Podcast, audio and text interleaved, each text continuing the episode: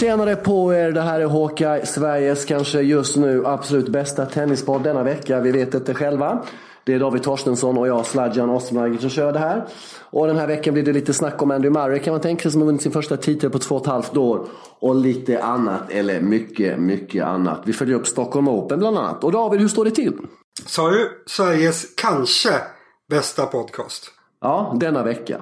Nej, ta om det där, ta om det, ta om det. Jag vill höra att det är Sveriges överlägset absolut tidernas, inte bara tennispodcast, utan det är liksom den bästa podcasten, punkt. Nej det är det ju inte. Och låt oss göra programmet först, podden, så kan vi konstatera det i slutet istället för att bli kaxiga här och underprestera. Vi vill ju inte göra som Arsenal, liksom. ständigt underprestera exempelvis, fast man har bra spelare om man ska uttrycka det. Eh, är det okej? Okay? Fråga, mig, fråga mig igen hur jag är idag. Hur är det idag David? Jag fyller år! Du fyller år! Stort ja! grattis! Jaha, tack, vad spännande. Tack. Vad spännande. Vad får jag i present? Du får... Oj då. Du tog mig på bar gärning. Du ska få en väldigt, väldigt fin present när vi ses nästa gång. Ja, eh, tack. ska fixa... Måste det vara en sak eller kan det vara liksom... Ja, helst. Helst, ja, något liksom... Jag, helst leksak. Något som man har roligt med mm. ska jag du ska få en middag med Köllerer, din favorittennisspelare. Ah, Ett av de största rövhålen någonsin. Ja, var han tysk eller ja. österrikare? Hur var det nu? Österrike, det har du inte ja. råd med. Han är, han är dyr nu för tiden, Crazy Danny. Han kliver inte ut ur sängen för mindre än 100 papp tror jag. Han är dyr. Jaha du, då kliver han ut, då, sover han, då, då, då, då ligger han i sängen 365 dagar om året. Köllerer, är jag rädd. Eh, det blir mycket Stockholm Open, mycket Andy Murray som sagt. Och, eh, men eh, vår vän då Köllerer som du i något av våra program uttryckte det största rövhålet någonsin i tennisvärlden. Och det finns ju mycket klipp med honom på YouTube. Han är på en helt egen nivå denne man. Helt egen nivå alltså. Och nu har han kommit med ett uttalande som rör Sveriges senaste Grand Slam-vinst i singel, eller hur? 2002. Ja. Tompa Johansson, din vän som du alltid skyddar, som du aldrig har sagt något elakt om, aldrig skrivit något elakt om, medan du skriver elaka saker om alla andra. Jo då, jo då. Sluta spela fin nu fast att du fyller år. Och då påstår han, Thomas ju Marat Safin i finalen att Safin var full Torstensson. Ja, klart han var det. Annars hade väl inte Tompa vunnit eller vad är, problemet? Du ser ju, det finns ett höjdpunktsklipp från matchen. Du ser ju hur dåliga de är. De står ju liksom bara och duttar. Lilla Eskil borde ju gå att göra under påverkan, eller hur? Eh, det vet jag faktiskt inte. Jag kan knappt spela tennis icke-påverkad. Eh, Nej, det kan du inte. Jag kommer ihåg när vi skulle spela in de här inför videon. Du kunde för fan inte ens hålla i racketsladden. Det var, det var riktigt, riktigt dåligt. Mm. Det var inte bra. Du kan inte tennis. Kanske att ta tennislektioner i smyg efter det, det vet man inte. Ja, just det. Eh, billigt Nej, det var roligt, eh, roligt uttalande från ingenstans. Sköt han från höften. Jag, jag, kan inte tänka mig att han var kompis med Safin. Så jag vet inte riktigt. Han känns ju som en ganska osäker eh, källa, Kelle. Gör han inte det? Jo då, det, det, det kan jag tycka. Men vet du vad det konstigaste med allt det här är? Det, det låg ju på Expressen det här. De hade ju snappat upp det från någon österrikisk eller tysk intervju eller vad det var.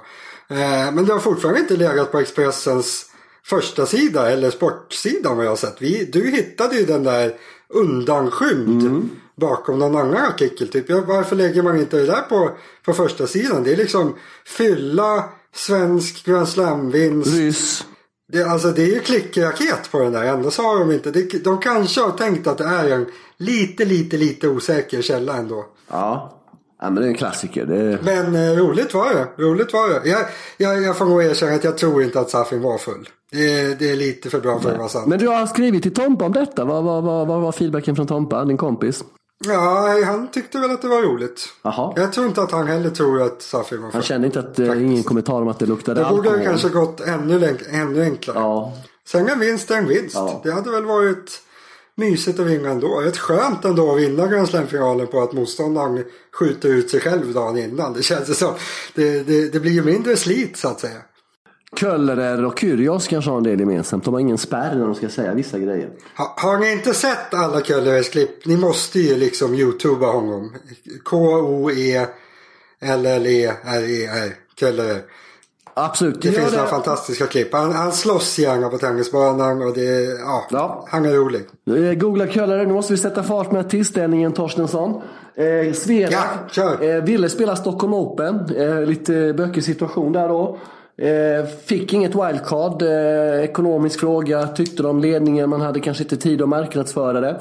Samtidigt så är det ju en stående kliché inom tennisen och sagt när det gäller Stockholm Open att ja, vi ligger bra till där mellan Wien och Basel och efter tusen mastersen i Shanghai. De här spelarna, sjätte, sjunde, åttonde, nionde, tionde platsen jagar eh, en plats av de åtta jag ATP-spelet kan komma hit och plocka extra peng. Och nu för en gångs skull så vill en av dem komma hit. Eller inte till Belgrad där jag sitter utan uppe i Sverige där du sitter. Och de flesta av er som lyssnar antar jag. Och då blir det ingenting. Du kan förstå att en man som jag som tittar lite vid sidan av känner att det är lite, något som inte riktigt är okej här va? Ja, det känns lite konstigt. Det man ska veta, jag vet inte om det riktigt sägs ofta att när, när en kille som Sverige ansökt säger att ja, men jag vill komma och spela i er turnering. Det handlar liksom inte bara om att man ska ge honom en plats i turneringen utan han vill ju ha 2, 3, 4 miljoner också mm. för att komma och spela.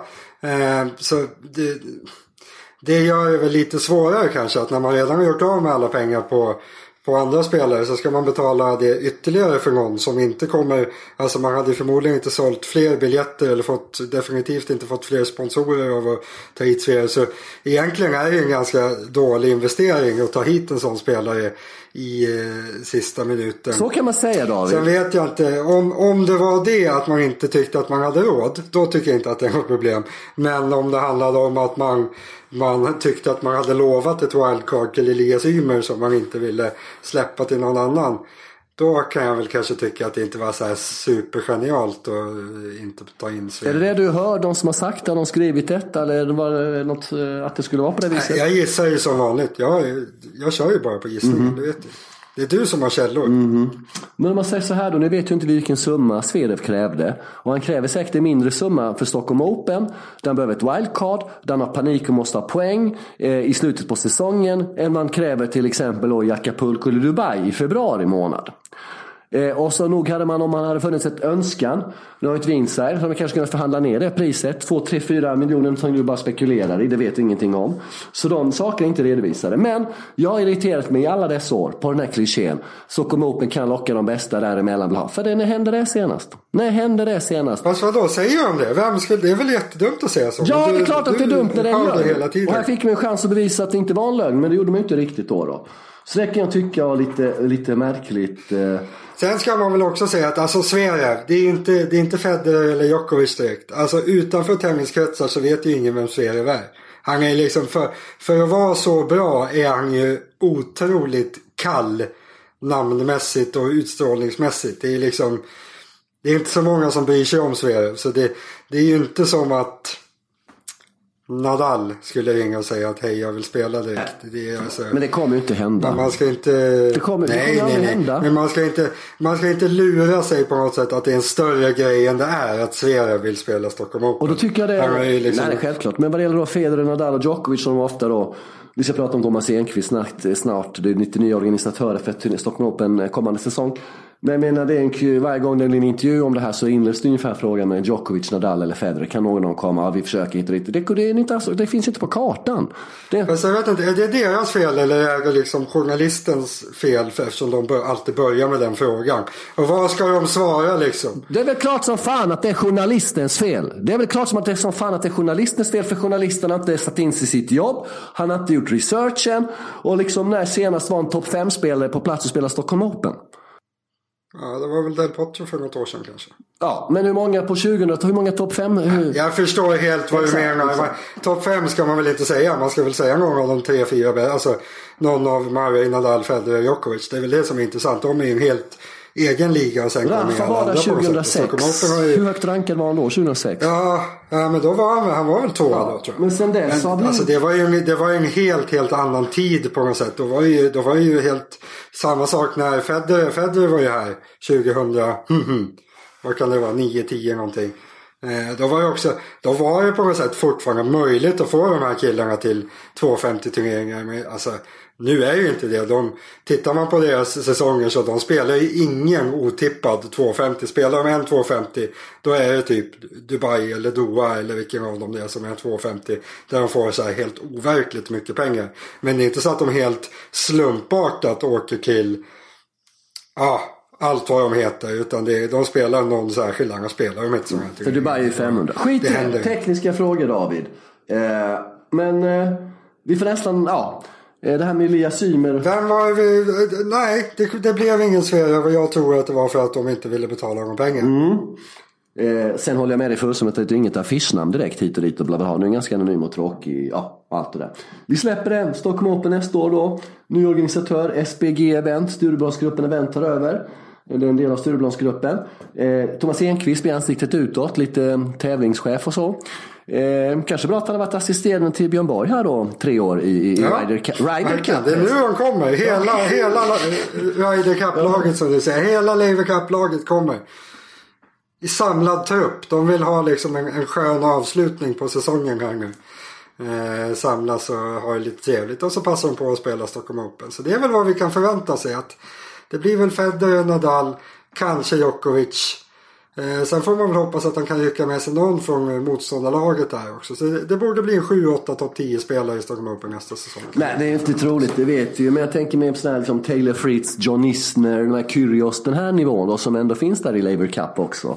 Eh, de kanske kan få enklare locka till sig. Ja, men det är säkert superbra. Alltså, jag brukar ju hacka jättemycket på Enqvist när han sitter och kommenterar på Eurosport. Mm. Eh, det ska man ju inte det ska man inte likställa med att jag tycker att han är en oduglig person. Jag tror att han kan passa jättebra för det här faktiskt. Han har ju hängt kvar inom tennisen egentligen hela tiden sedan han slutade. Så han har ju förmodligen superbra kontakter med ganska många spelare. Och det är ju alltså det, är det det handlar om om man ska Sen är det mycket tur och otur också. Men ska man kunna få så bra namn som möjligt. Då är ju en förutsättning att man har väldigt bra kontakt med med spelare och folk runt om. Och det har ju garanterat Enqvist.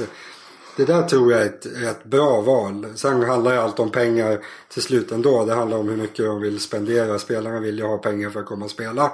Eh, och då gäller det att de betalar de pengarna om de vill ha bra spelare. Du, eh, vi pratade förra veckan om Del Potro Stockholm Open och att man kanske har med marknadsföringen och budget att han eh, inte kommer dyka upp så att säga. Då, va? Men om man, om man räknar med att han ska dyka upp och då kommer han, liksom, om han inte dyker upp, kan inte den pengapotten gå till en sån som Sverige om man ändå vill komma? Förstår Jag kan inte släppa det här riktigt tydligen. Så, så är det absolut. Jag tror, jag tror det är lite så att när, när Del Potro hoppar av sent som han gjorde eh, så är det egentligen jackpot för arrangören. De har säkert, han har säkert någon liten peng i kontraktet som man får oavsett om man kommer eller inte. Mm. Men den stora delen eh, behöver de inte betala. Och då ser man väl det som en ren vinst förmodligen. Att ja men, jaha, nu fick vi in två miljoner som vi kan eh, lägga direkt på plusresultatet. Och det är superbra för då har man ju redan kunnat marknadsföra dem. Och då vill man väl inte kasta bort det på typ Sverige. För man känner att ja, men det kommer inte ge oss något bättre resultat. Så jag förstår att man gör sådär. Men det är klart, jag förstår ju din synvinkel också. Att det är jättetråkigt att man inte tar hit någon spelare som folk vill se. Ja, för någonstans får du tänka på oss konsumenter också. Men du, eh, tror du att det är rätt då? Liksom, det är svårt att veta vad de här SBG, Stureplansgruppen, kommer göra med turneringen. Eh, det var någon som uttalade sig i tidningen och det var väldigt mycket klichéer. Mötesplats, business, finans, tennis, sport, vet allt det där. Men har de förutsättningar att rycka upp det? Du var ju på Stockholm Open i år. Känner du att det finns mycket att jobba med där? Jag har inte varit där sedan 2014-15 tror jag. Så det är ett tag sedan. Uh, ja, men jag tror att det är rätt. Alltså det, när jag var där i år och egentligen i flera år. Det, det man tänker är att Ja, fredag, lördag, söndag, men då funkar det. Då kommer en del folk och tittar och man gör lite grejer runt så att det är ja, företagsevent som gör att folk fyller ut platsen och så vidare. och så vidare. Eh, men det jag tror är att man måste kanske gå ännu mer åt det hållet att man gör andra saker än, eh, än att hoppas på att folk ska vilja komma och titta på Taylor Fritz mot Nishioka på en tisdag i Kungliga Tennishallen. Liksom. Man, man, man ska inte tro att det spelar ingen roll om det är ganska bra spelare. Folk kommer inte komma och titta på tennis på vardagarna. De jobbar ändå. Och det jag skulle kunna gissa det är att de kanske kommer jobba med lite mer det runt tennisen. Så att man får en anledning att komma dit. Och sen tittar man på tennisen liksom lite i förbifarten sådär. Det är nog det bästa sättet att, att få dit folk. Och det skulle jag väl gissa med tanke på vad de håller på med i övrigt. Så känns det väl som att de borde börja jobba från den, den vinkeln. Så jag, tror, jag tycker de som har skött det de senaste åren, de har ju skött det bra liksom. Men det, det, det, här kan absolut vara bra utveckling. Jag tror att det kan bli Ja, men det kan bli bra. Sen går det inte att göra guld av gråsten. Liksom, har man en 250 turnering i Stockholm på en dålig vecka. Det kommer liksom inte bli. Det finns ett ganska kraftigt tak för hur bra det kan bli. Men eh, ja, det blir väl lite nytt och lite mer spännande. Jag tror, ja, bra. Jag tror det kan bli Ja, bra. härligt. Vi ser fram emot nästa år. Du, Andy Murray har vunnit sin första ATP-turnering på två och ett halvt år. Vi eh, skrev ju en, inte en gravruna, men en tennisspelarruna över honom då i januari när han sa att han kommer sluta. Och efter Australian Open med höft och skit och sen opererade han sig. Och, ja, nu har han vunnit sin första turnering med metallhöft helt enkelt.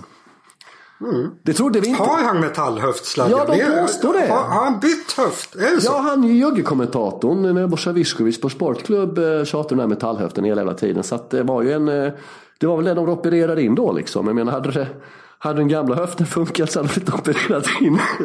Nej, men man, man behöver ju inte byta kroppsdelar för att, man, för att man opererar sig känns det som. Det kunde ju varit att man lappade ihop något. Men han kanske har bytt ut någonting där. Ja, han har ju. Han har ju reservdelsman. metallhöft. Det är ju massa tennis. Sen kanske inte vi ska ägna oss åt medicinska podcast direkt. Nej, det tror jag inte. Nej. Rick förbannat då. Han, det är inte bara att han slår Wawrinka med 2-1. Han torskar första set. Han vann väl både semin och kvarten i, i tresetare. Vände mot Umper där i semin också va. Nu kommer jag inte ihåg vem man hade. Humper, ursäkta mitt uttal.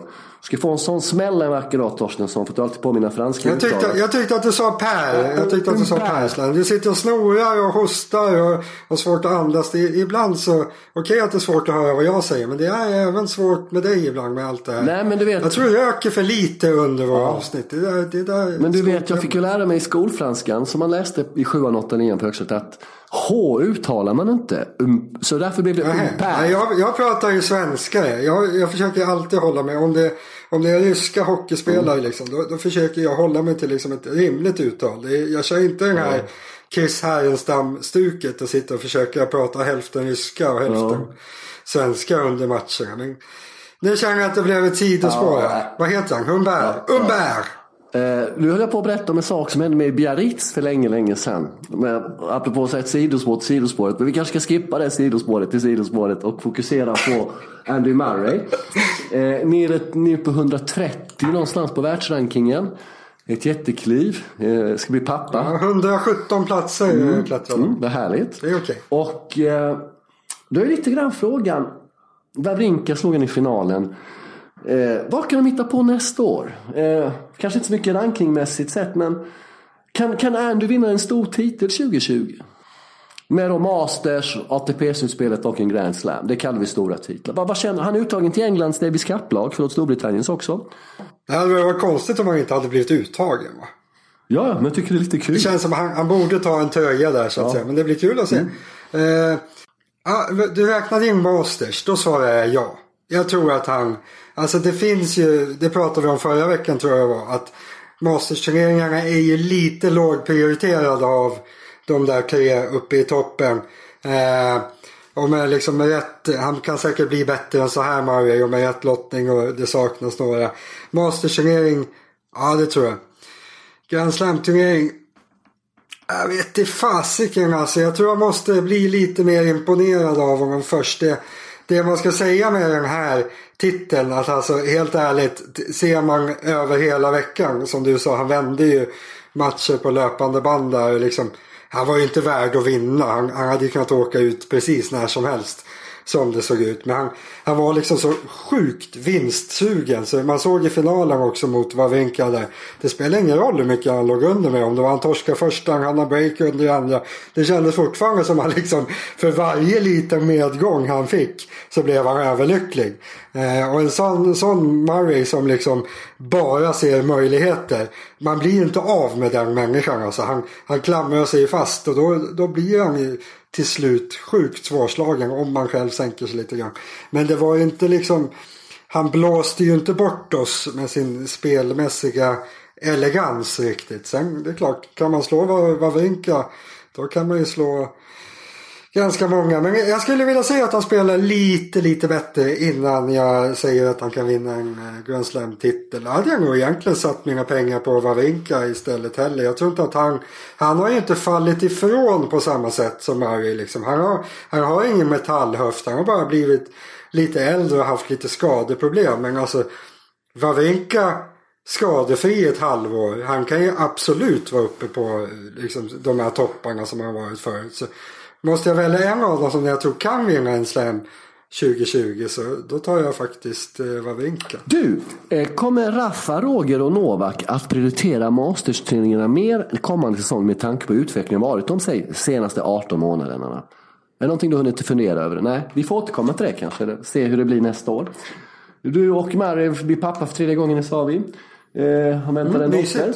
Pojke eller flicka, det vet vi inte. Jo, det är en tjej. Det är tredje tjejen för honom och Kim, eh, Kim Sears. Eller vad heter hon? Hon heter väl Kim Murray nu kanske? Just det.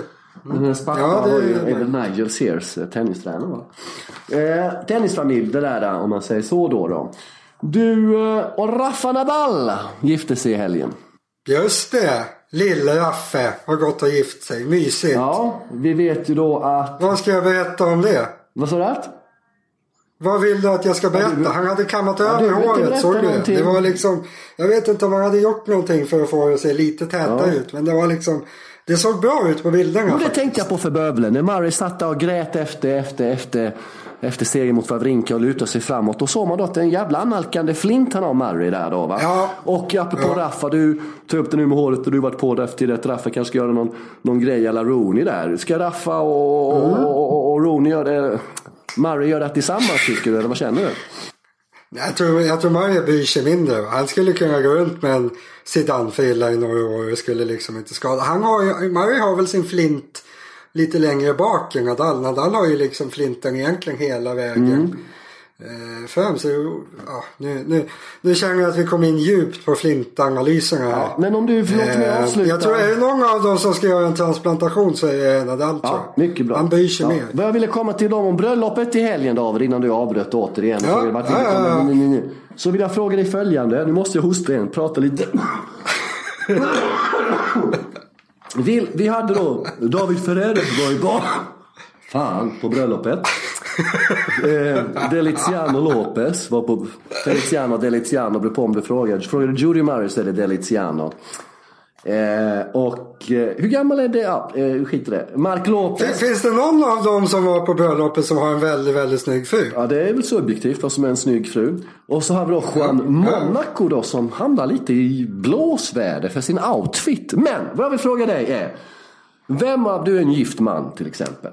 Vem av dessa fyra hade herr Torstensson helst haft som gäst på sitt bröllop av Juan Monaco, Jaha. Mark Lopez, Deliziano eller David Ferrer? Vem hade David Torstensson? Jag rangordnar topp top tre. Jag vill ha topp tre och du börjar med nummer tre och så går du uppåt. Vad det jag ville komma till med Raffas bröllop. Jag, jag, alltså Feliciano steker jag ju. För att Det- han, han, han, kom- han kommer. Eh, dels, är- dels är han alldeles för snygg. Och sen hade vi den här situationen igår där du tvingade mig att googla fram hans nyblivna fru. tvingade dig till Och Hon var ju dessutom också alldeles, alldeles för snygg. Mm. Så nu, ingen av dem kommer. Deliciano han får inget inbjudningskort. Okej. Det är punkt. Han kommer inte. Okej.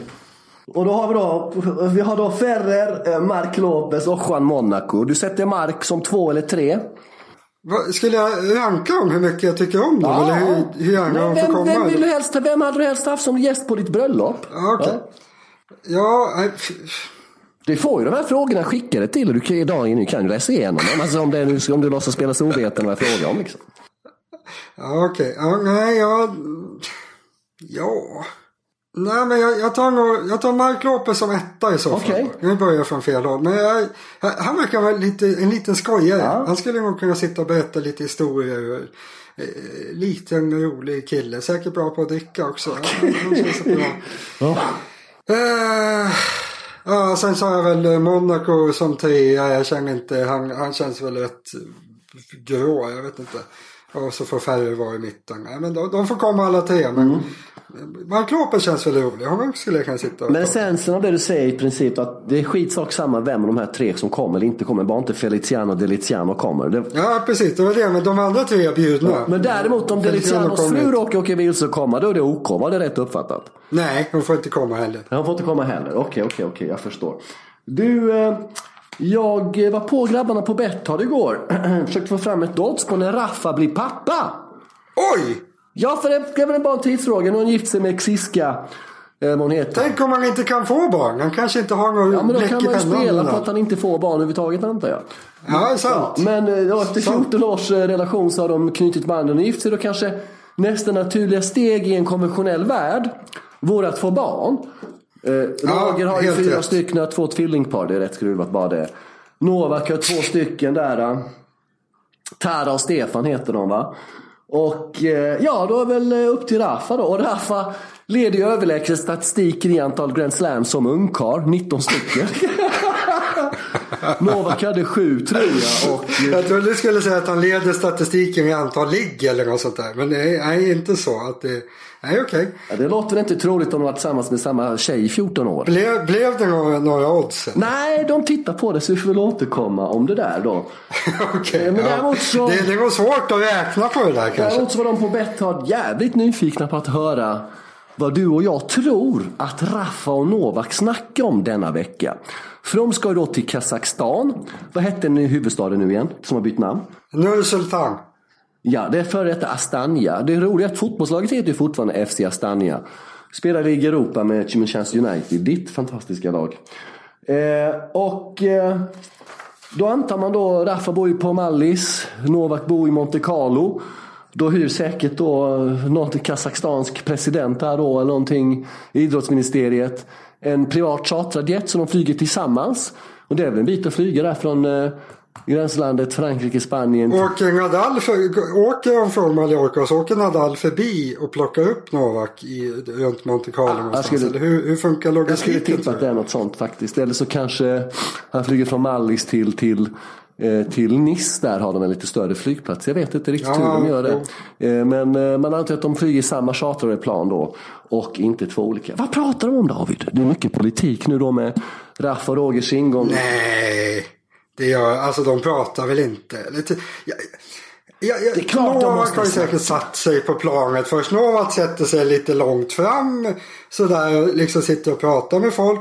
Nadal går förbi och drar några glosor på engelska, hälsar. Och sen går han bak och sätter sig längst bak i planet och ja, vad gör han? Han sitter och slumrar lite. Jag, jag, tror inte, jag tror inte att det är mycket snack. Ja. Tror du det? Men det är klart att det är mycket snack. De, eh, jag tror inte de tar med sig sina respektive teams hit och dit. Det är ganska få folk på det här planet. Raff har kommit in i spelarrådet. där De Novak kanske sitter och spelar Yatzy. Det kanske är precis tvärtom. Att det, det är bara de på planet och så sitter de liksom... Men du menar att de kör den svenska stilen, engel, att, man, att man inte pratar om? Att man bara sitter tyst och pratar om Oh what a nice weather, oh look at the, look at the clouds Raffa. Jag tror ju det egentligen. Alltså, jag har svårt att se ett superavslappnat samtal mellan Nadal och Djokovic. Jag ser det liksom inte framför mig. Gör du det? Ja men oavsett om det är avslappnat eller inte så, så de här 5, 6, 7 timmarna vad den här flygresan tar, de, fan måste de ta upp saker och ting. Så när politiska... De spel- inte sitter spelarrådet. tillsammans. Ja, Men det, är ju- Ja. de vet ju att de är på samma plan. För att förstöra för varandra. Jag, Nadal har klivit in för att förstöra för Djokovic. Det blir ju stelt. Nej, jag tror, jag tror att det är stelt. Jag tror en, en tung flygresa helt enkelt. Du tror det? Ja, jag tror det. Jag tror, jag tror de sitter på sin kant. Och liksom inte ens snacka med varandra. Men de måste ju prata om uppvisningsmatcher. Ska vi ta ett set var och så gör vi det. Ja, det är så här underförstått. Det vet alla som har spelat eh, tennis någon gång. Man vet hur man löser uppvisningsmatcher. Kolla bara på Laver Cup. Det blir skilje i varenda match typ. Man liksom, det blir automatiskt när folk spelar tennis och inte gäller någonting. Man, det löser sig. De behöver inte prata igenom Du vill det. väldigt gärna sätta Roger och Raffa i ett lag och Novak som motpolen. Alltså jag tror att det Ja, är RF på ett håll, ND på annat och att Raffa är lite flytande i sina dualiteter däremellan. Yes! Ja! Du menar att han är lite så här liten lömsk jäkel som hoppar på Nej, där nej, det nej, passar mest? nej, nej, nej. Raffa är den rättfärdige, den hedersamme. Det vet vi sedan tidigare. Är inte lika säker på att Ro- eh, Roger och Novak är det faktiskt. Som oftast av andra, det vet vi ingenting om. Kanske de som blir anklagade oftare av de andra tennisspelarna för att bevaka sina egna intressen än andras. Rafa brukar inte riktigt få den typen av kritik om vi ska utgå från det. Eh, så nog fan tror jag de pratar. Måste prata massa tennispolitik. Vad händer nästa år? Chris Kermode, vem kommer Det är inte klart vem som ska ta över som eh, Chris- Kermodes roll på ATP. Eh, vem kan, vilken är Klart att sådana saker det är ett ypperligt tillfälle för dem att vädra massa saker. Tror du inte det? Jo, jag håller med om att det är ett, ett ypperligt tillfälle. Men jag tror fortfarande inte tror inte att det är så muntert. Djokovic var inte bjuden på Nadals bröllop. Och inte Federer heller sägs det. De är inte så bra kompisar. Nej, men å andra sidan var inte Rafa bjuden på, på, på, på, på Novaks heller. Nej, Inte Murray. han, han hämnas nu med att inte bjuda in. Murray och Novak som var så goda vänner som folk snackade om när de var små. Ingen, de var inte bjudna på varandras bröllop heller. Exempelvis. De har väl vuxit ifrån varandra lite va?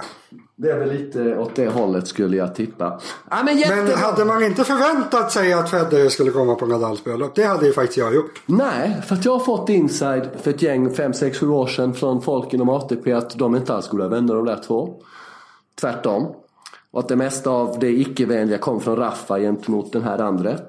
Får jag ändå komma ihåg att Raffa bad domaren stänga av Håka i Wimbledonfinalen 2007. Det är ändå aldrig Wilson för att få det bekräftat mot Raffa.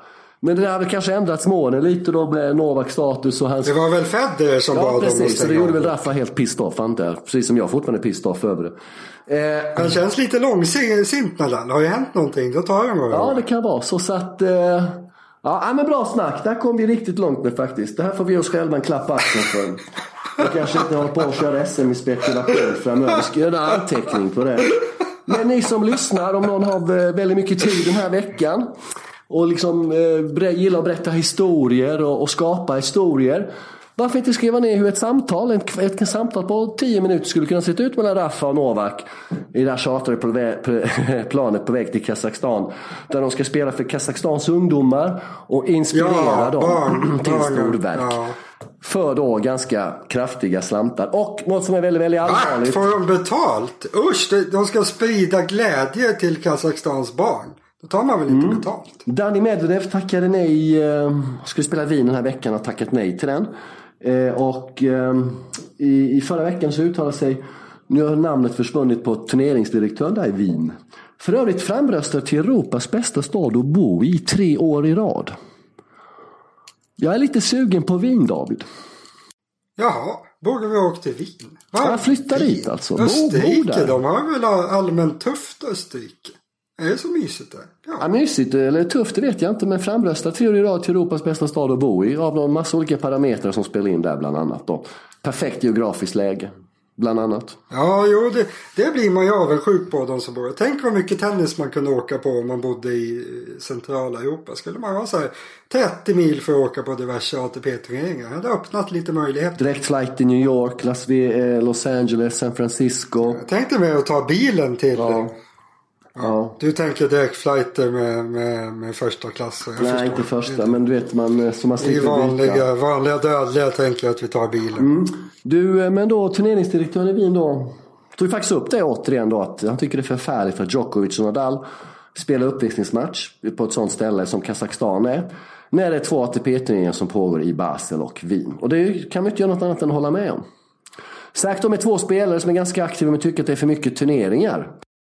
Ja, Och allt det precis. där liksom. Eh, ja, det är inte bra såklart. Sen, sen finns det ju alltid det där kortet man kan spela att nej men Kazakstan kanske inte är så, det kanske inte är så superbra med diktaturer och grejer men man ska ändå åka dit för att Ja, det, det är inte bästa sättet att bara isolera dem, bla bla bla. De kan säkert säga så, men det, det känns, jag tycker inte det känns så, så jäkla fräscht. Och framförallt där, jag förstår inte. Varför ska man åka och spela uppvisningstennis när man kan spela ATP-tennis? Det går liksom inte att linda in det till något positivt. De, de, nej, jag tycker det är dåligt. Och Federer ska ju göra samma sak. Han tackar ju nej till Davis Cup. Eh, även om Schweiz inte är med. De hade ju varit med och fått det wildcard om Federer ville spela såklart.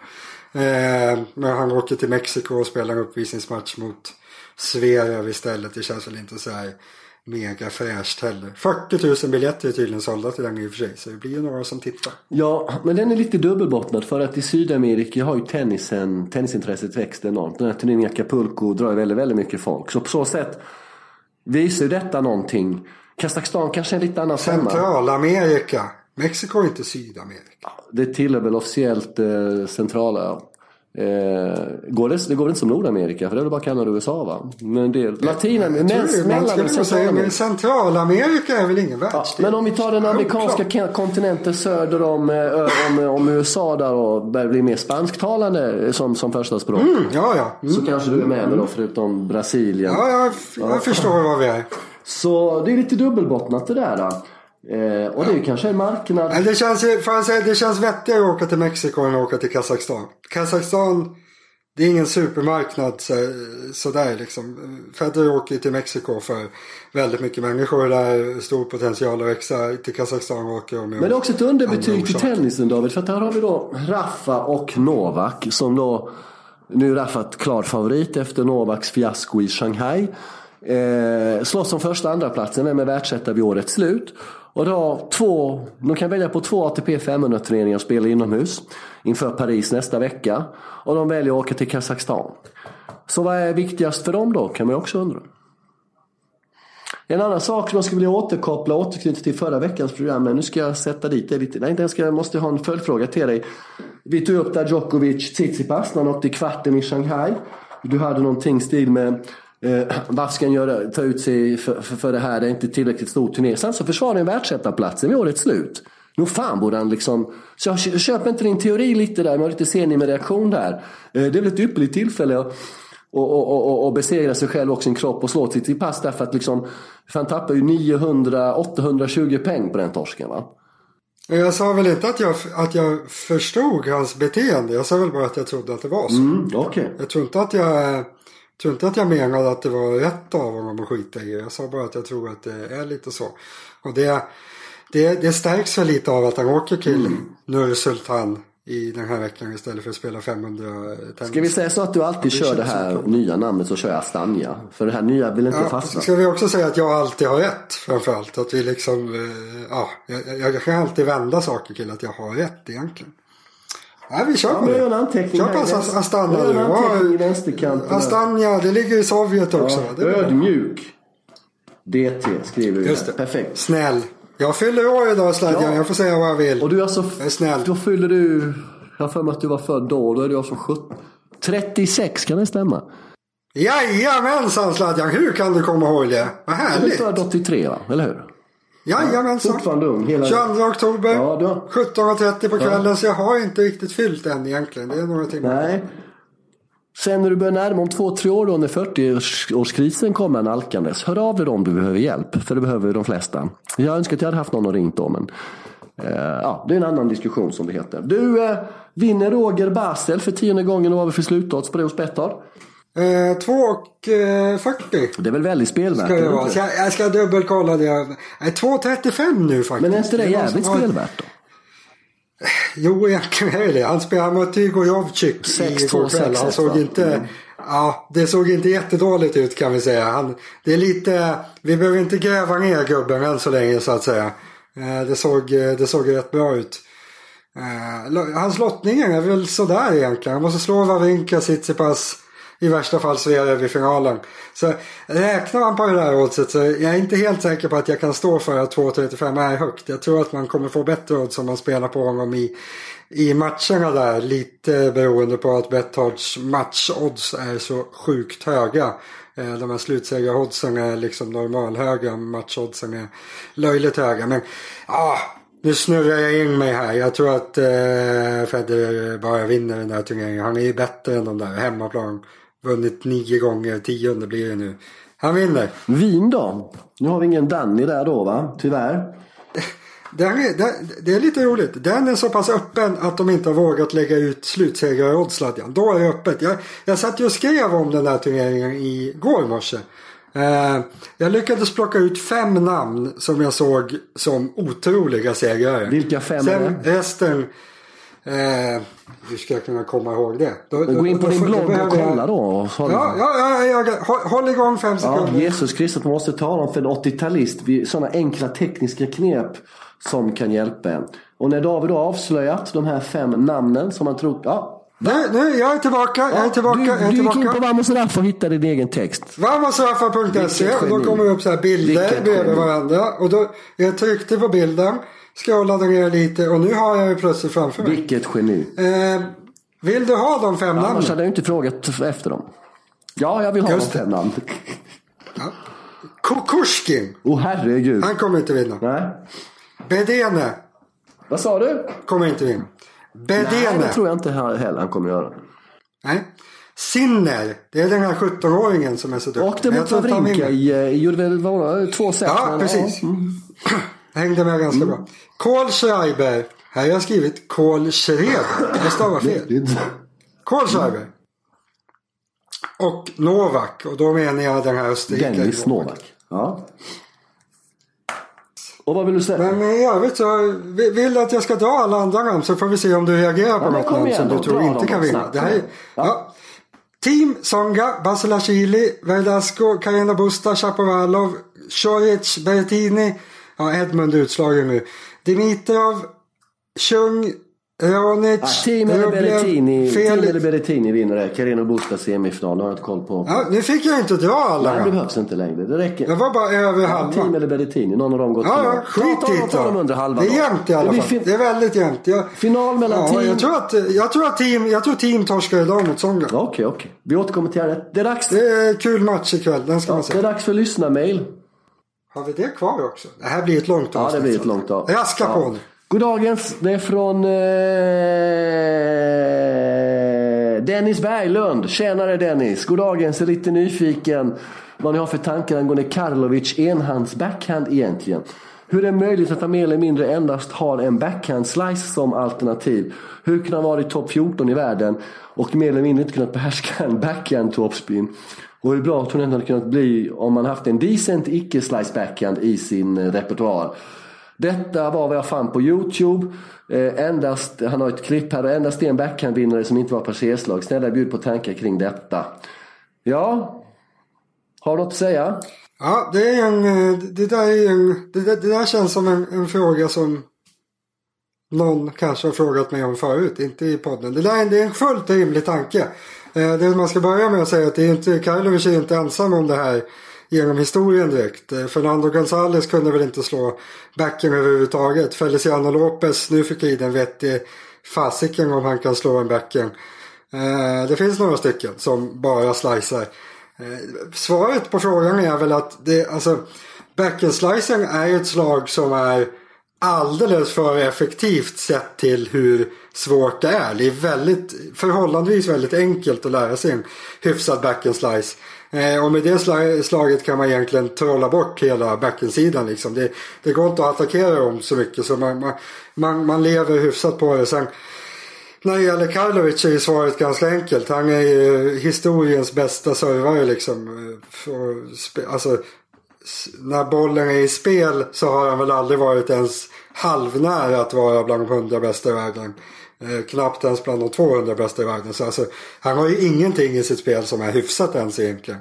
Men han har en så otroligt bra serve att han, att han klarar sig med den här backhandslicen. Sen just hans överskruvade backen eller offensiva backen eller vad man ska säga. Den är ju faktiskt, alltså den är ju komiskt dålig. Han kan ju, han kan ju både missa bollen, sätta den nästan i taket och dra den i skynket bakom liksom. De, de gångerna han har försökt slå, det, det har ju synts att han inte är ett bollgeni så att säga. Men ja, svaret på frågan är väl att eh, servar man som han gör då det är inte så stora krav på spelet i övrigt. Mm. Nästa fråga då, det är någonting som dyker upp eh, ganska ofta i vår lyssnarkommunikation. Det är inte alltid att vi läser upp alla mejl heller. Men det handlar om Eurosport. Eurosport Discovery kommer då ta över all tennis Eh, på alla nivåer från och med årsskiftet. Och, eh, eh, och det är bra att det engagerar. Folk är ganska nyfikna på vad vi tycker och tänker och om vissa saker i deras tennisbevakning och sådär.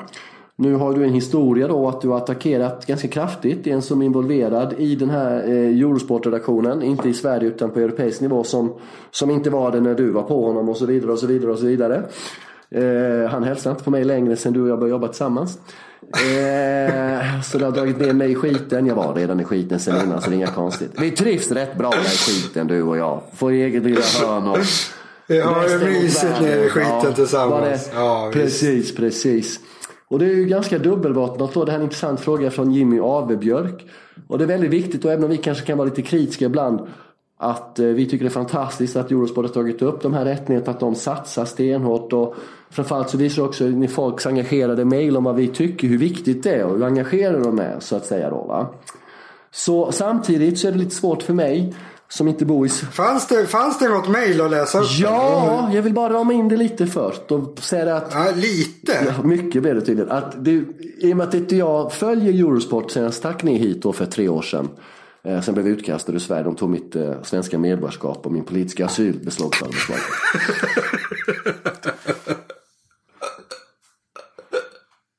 Men David, eh, i och med att jag stack ner till Belgrad då för tre år sedan.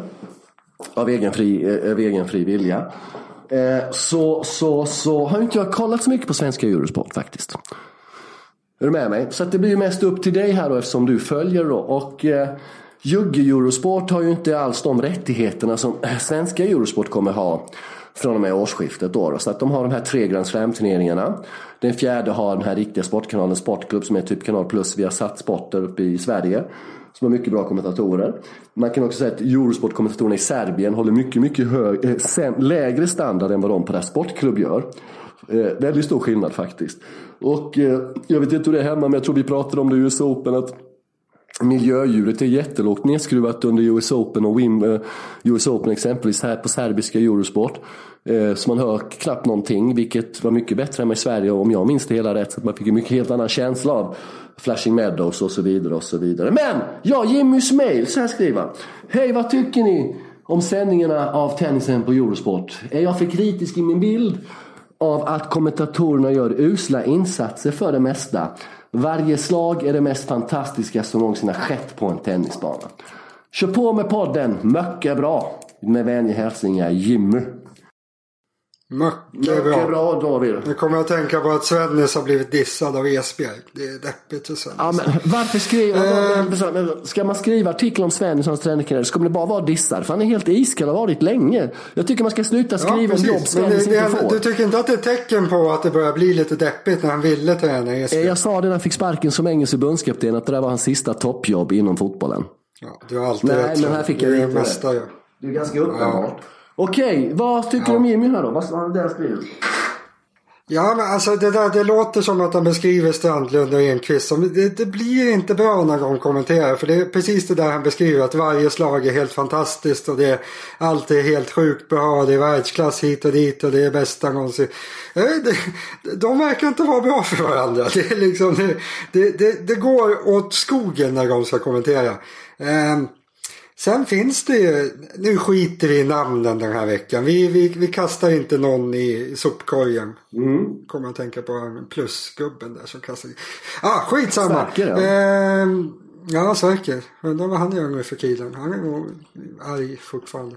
Eh, nej, men det, vissa är inte särskilt bra. Vissa, som man säger där, vissa känns det verkligen som att de inte tittar på tennis. För de kan, om det är någon som är rankad typ 50 i världen eller 60-70 i världen.